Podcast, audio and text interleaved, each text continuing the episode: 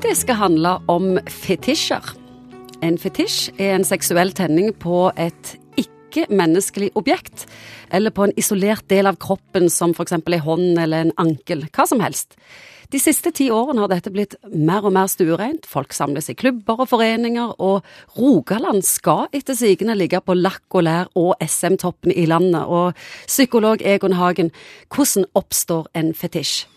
En fetisj eh, oppstår eh, mest sannsynlig fordi at det er en, det vi kaller en assosiativ læring i, liksom, i ungdomsåra. Det var den tida hvor du på en måte der rant vanvittige mengder hormoner gjennom kroppen din, og du kunne Du var egentlig mer eller mindre tent og kåt hele veien.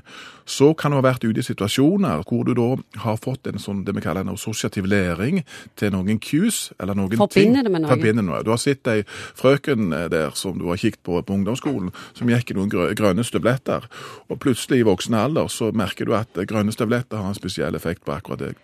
De mest vanlige fetisjene det er jo lakk og lær og det klassiske der, men når jeg googler på nettet, så er det folk tenner på trær, på urinering, kvelning. Noen tenner på oppkast, eller det å mislykkes, faktisk. Vi er langt inne i sinnets irrgang her, og det virker unektelig veldig rart.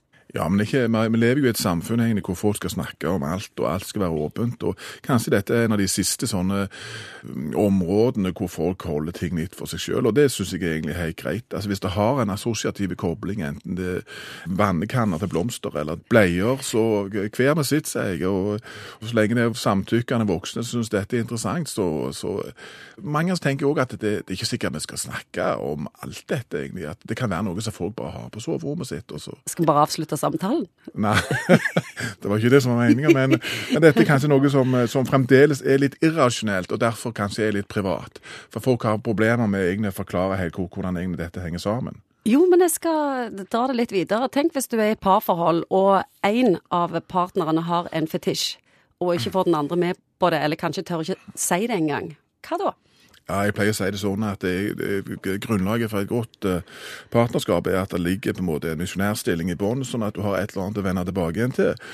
Og hvis det bare blir dette outrerte og det rare, så klart at da bygger jo denne seksuelle eh, koblingen med partneren din egentlig på litt tynt grunnlag. Men det går jo an å snakke om det. Men det er jo heller ikke sånn at du skal få alt det du vil her i verden. Sånn er det jo med seksualiteten, og sånn er det med mange andre ting òg.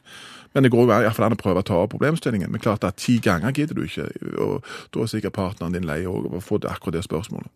Går det an å bli kvitt en fetisj en er flau av? Hvorfor bli kvitt den? Jeg synes det er egentlig hei. Altså, Fram til 2010, tror jeg, eh, jeg kikket på det før dette programmet, så var dette faktisk en diagnose. Masochisme var òg en diagnose faktisk fram til 2010. og Da har norske helsemyndigheter revidert dette og sagt at dette er en del av det normalmenneskelige utfoldelsesmønsteret under, under dyna. Hvorfor bli kvitt det? Men, men du trenger heller ikke leve ut alle de tingene som du har. Det, Det kan an- duge med fantasien. det kan duge fint med fantasien. Kan det hende at vi tror vi ikke har fetisjer, og så har vi det likevel? Det kan godt være. Og det er jo litt sånn at eh, med en gang du beveger deg litt ut fra denne misjonærstillingen og over i dette, så forutsetter jo det at det er en tillit i parforholdet. For du eksponerer jo sårbarheten. Du, du eksponerer jo særegenhetene dine på en annen måte enn når du bare safer. Det er jo de samme reglene som gjelder for dette som all annen seksualitet, at du må sette grenser for hva du vil og hva du ikke vil. Og det er ikke kult å gjøre ting som du ikke vil. Punktum.